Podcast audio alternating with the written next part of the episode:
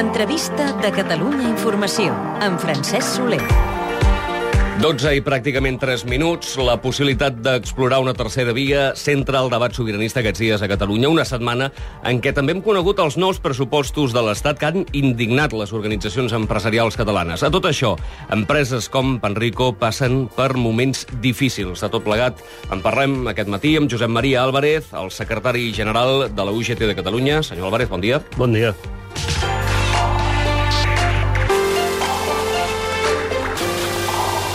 Aquest matí Catalunya Ràdio en parlàvem amb l'expresident del Parlament, amb el senyor Rigol. Comencem parlant del debat polític d'aquests dies, centrat, com dèiem, en aquesta tercera via que s'esbossa. La UGT s'ha significat a favor del dret a decidir. No sé què li sembla la tercera via que defensen per una banda Josep Antoni Duran i Lleida i per l'altra el PSC. A mi fa l'efecte que el que convé ara és centrar-se en el dret a decidir. Per mi, qualsevol alternativa passa per primer conquerir aquest eh, dret i crec que a partir d'aquí eh, és evident que es poden obrir i explorar més d'una opció. En aquest sentit, a mi em sembla que és eh, positiu, però eh, tampoc hem de gastar, crec jo, masses energies en discutir-nos els que creiem eh, que la base eh, de la sortida és el dret a decidir, que és el que es pot eh, obrir expectatives d'un canvi real en relació a la situació eh, que tenim avui, que és el que jo crec que aspirem la immensa majoria dels catalans i les catalanes. Aquest pol que s'està creant al voltant de la figura de Josep Antoni Duran i Lleida, també de Pere Navarro, amb la defensa d'aquesta tercera via que dèiem, eh, es proposa també atraure altres forces, altres eh, organitzacions, com per exemple Iniciativa. No sé si eh, vostès han tingut algun contacte amb el senyor Duran i Lleida o amb el senyor Navarro per parlar-ne?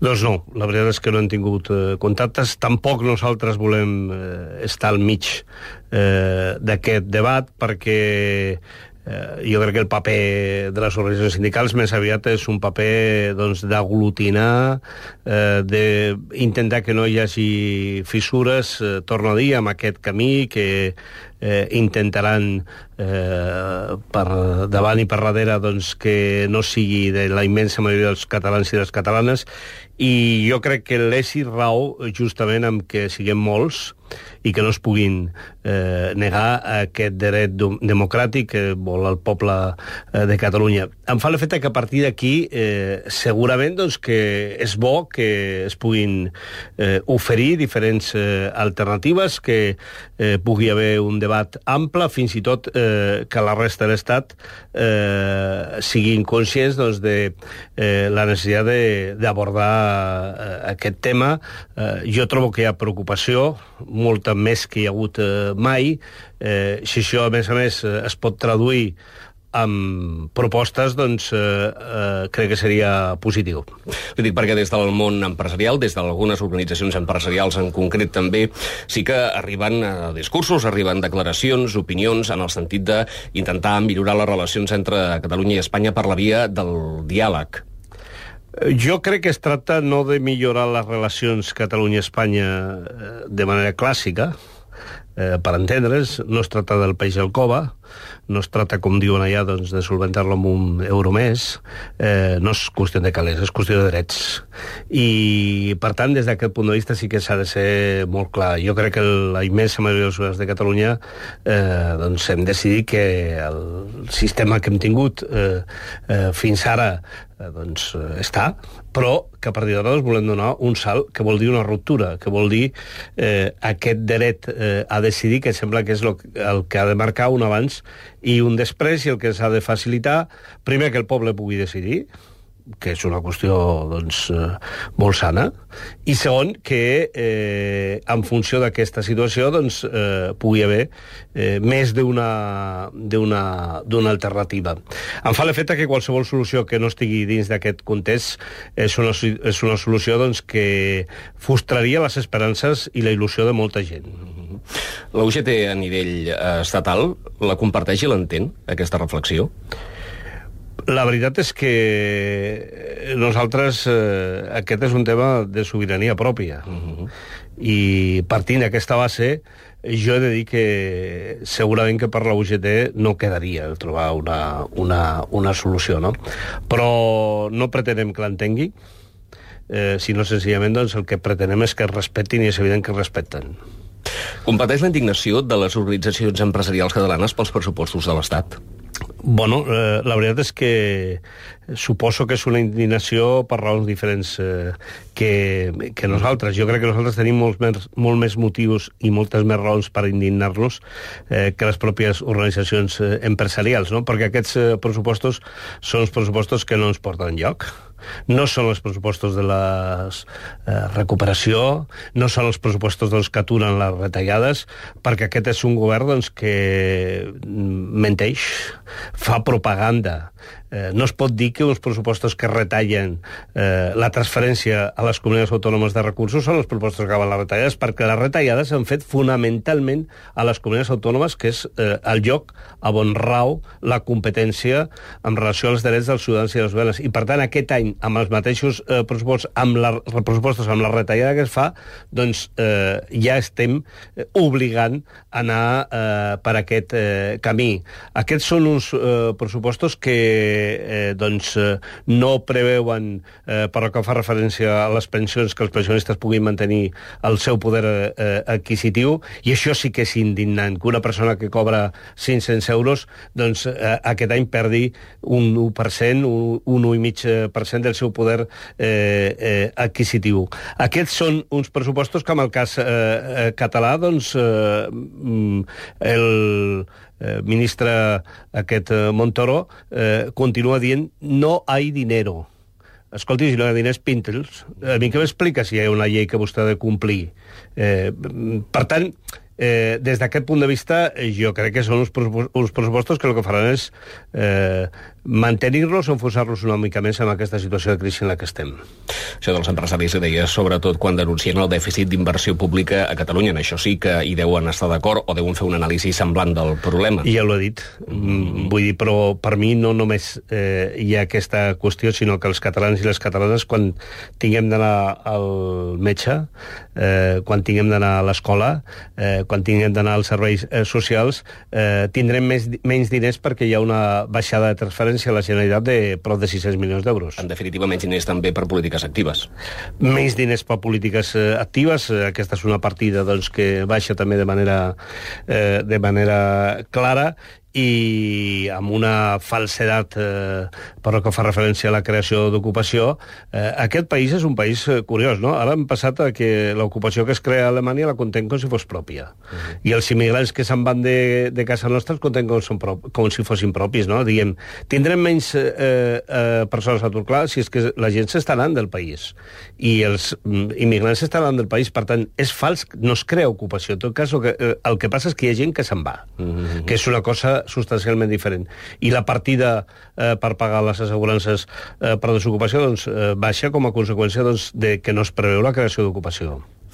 La Generalitat ha anunciat que si reben l'impost sobre els dipòsits bancaris, els funcionaris rebran la paga extra. Com veu aquesta vinculació directa del sou dels funcionaris a un impost? Eh, això no s'havia fet mai.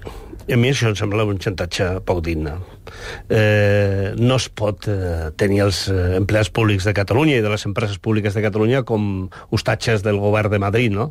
Eh, el govern ha de ser valent, eh, ha de tirar cap endavant i això doncs, vol dir consignar aquests diners que, que es deuen i pagar als empleats públics aquests diners o uns altres. És qüestió de prioritzar. No es pot sempre eh, castigar els mateixos de la manera que ho està fent el govern de la, de la GEA de, de Catalunya. En aquest sentit no podem compartir eh, que això doncs, estigui subjecte a que arribi aquesta partida.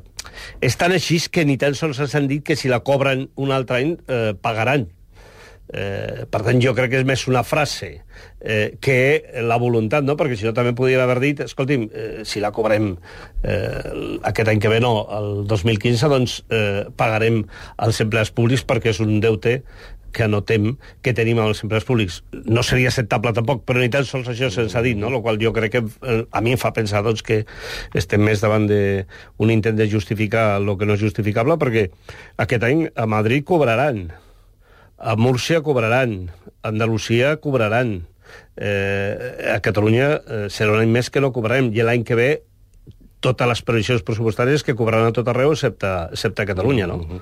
Aquesta qüestió de la paga extra, el que dèiem abans de les pensions deslligades ja de l'IPC, també el copagament eh, per alguns medicaments eh, per a malalts crònics, són qüestions, òbviament, molt polèmiques.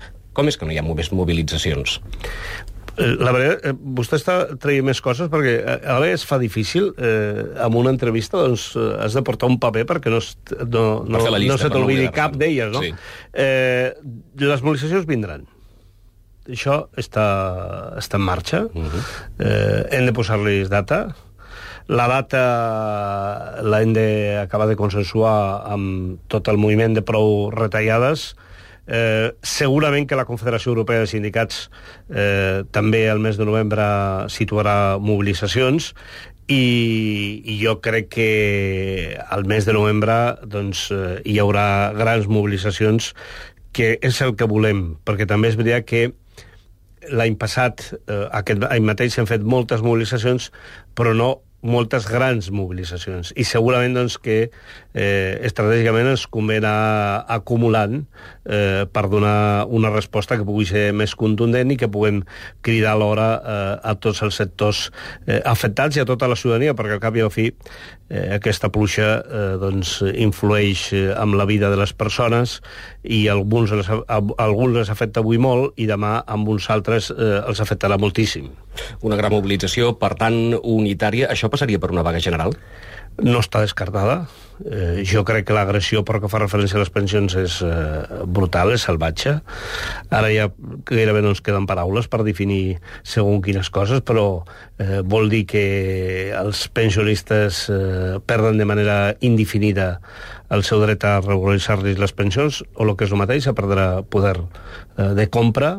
Eh, vol dir que l'esperança de vida, eh, que per cert, aquest any és la primera vegada que baixem, uh -huh. però que fa referència a l'esperança de vida, cosa que vol dir que alguna cosa té a veure amb les retallades. Vivim menys eh, de promig que vivien l'any passat. És la primera vegada des de que hi ha estadístiques que es coneix eh, a la història. Això també hauria de fer reflexionar els que diuen que les retallades no influeixen, que no tenen influència sobre la vida de les, eh, de les persones. Doncs eh, amb, aquest, eh, amb aquest sentit és amb el sentit doncs, que, que anirem treballant. Una altra qüestió, senyor Álvarez. Aquesta setmana el Departament d'Empresa i Ocupació els ha presentat la reforma del Servei d'Ocupació de Catalunya, el SOC, que ara s'ha de començar a debatre perquè es pugui aprovar al Parlament abans de final d'any. Com valoren aquest projecte de reforma? Bueno, primer, eh, jo dic que tenim un govern una mica típic, perquè el que seria raonable és que abans d'anar amb un projecte engestit, eh, haguessin obert un procés de, de negociacions, de converses, de tal manera que ara ja no tinguessin d'estar discutint sobre un, un projecte eh, ja eh, engestit. Eh, jo intentaré ser positiu, i per tant doncs, eh, hem de veure doncs, a partir d'ara quina és la voluntat del govern i de la majoria que li dona suport al Parlament de, de, de Catalunya, de tal manera doncs, que eh, puguem eh, anar introduint mm-hmm. eh, esmenes, eh, nous elements. Nosaltres volem que el SOC sigui un servei públic, integral, eh, però que fa referència a l'atenció dels aturats. No volem que anar en un procés de privatització del, del SOC i, d'una altra banda, el SOC ha de tenir la, dotació, la dotació pressupostària per fer front a les necessitats de, del dia d'avui, eh, que són moltes, i hi ha molta gent que està apuntada per fer un curs de formació, eh, que no pot fer un curs de, de formació, el SOC ha de fer polítiques actives eh, perquè gent que porta tres anys aturada doncs, tingui l'oportunitat de treballar amb un pla d'aquestes característiques, ja sigui a neteja de boscos o ja sigui eh, doncs, el seu ajuntament, eh, i en aquest sentit necessitem més recursos. Un episodi concret, el de Panrico, creu que s'està encarrilant una solució pel conflicte laboral en aquesta empresa?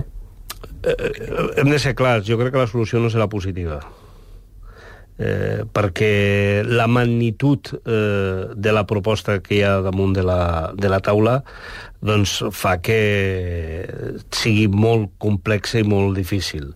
Plou sobre mullat, fa no massa temps eh, ja van doncs, fer un acord eh, que ens havien promès que seria la, la solució, eh, d'avui per demà cessant el responsable, ve un altre eh, amb unes idees doncs, eh, clares que van a la direcció de o tancar l'empresa o, o reduir un 50% la seva plantilla. Nosaltres el que volem en tot cas és que s'obri un procés de, de negociació. Hi ha una, damunt de la taula doncs, una vaga convocada. Si no paguen eh, la farem, si paguen doncs l'anirem eh, ajornant. Eh, en aquest sentit és amb el sentit que el que hem d'exigir és a la gent eh, que té per l'ICO que ha guanyat molts diners eh, ja no dic els anteriors propietaris que han guanyat moltíssims diners, uh -huh. eh, els que estan avui també, doncs, que eh, no vinguin en les mans eh, buides, sinó que en tot cas eh, vinguin amb els recursos eh, que s'han produït al llarg del temps amb aquesta fàbrica i que jo crec que ara eh, s'han de posar damunt de la taula per poder doncs, fer-la viable. Qui ha de moure peça, per tant, és ara l'empresa, són les administracions? Eh, és l'empresa amb els diners i són les administracions eh, dirigint i obligant obligant eh, a que aquest procés doncs, eh, vagi en una direcció doncs, que pugui mantenir eh, l'ocupació. En aquest sentit, no només l'administració catalana, sinó també el govern de l'Estat, no? que des d'aquest punt de vista doncs, té una gran responsabilitat perquè estem parlant d'una empresa estatal, amb mm. presència a més de tres comunitats autònomes. Però vaja, el veig pessimista, senyor Álvarez.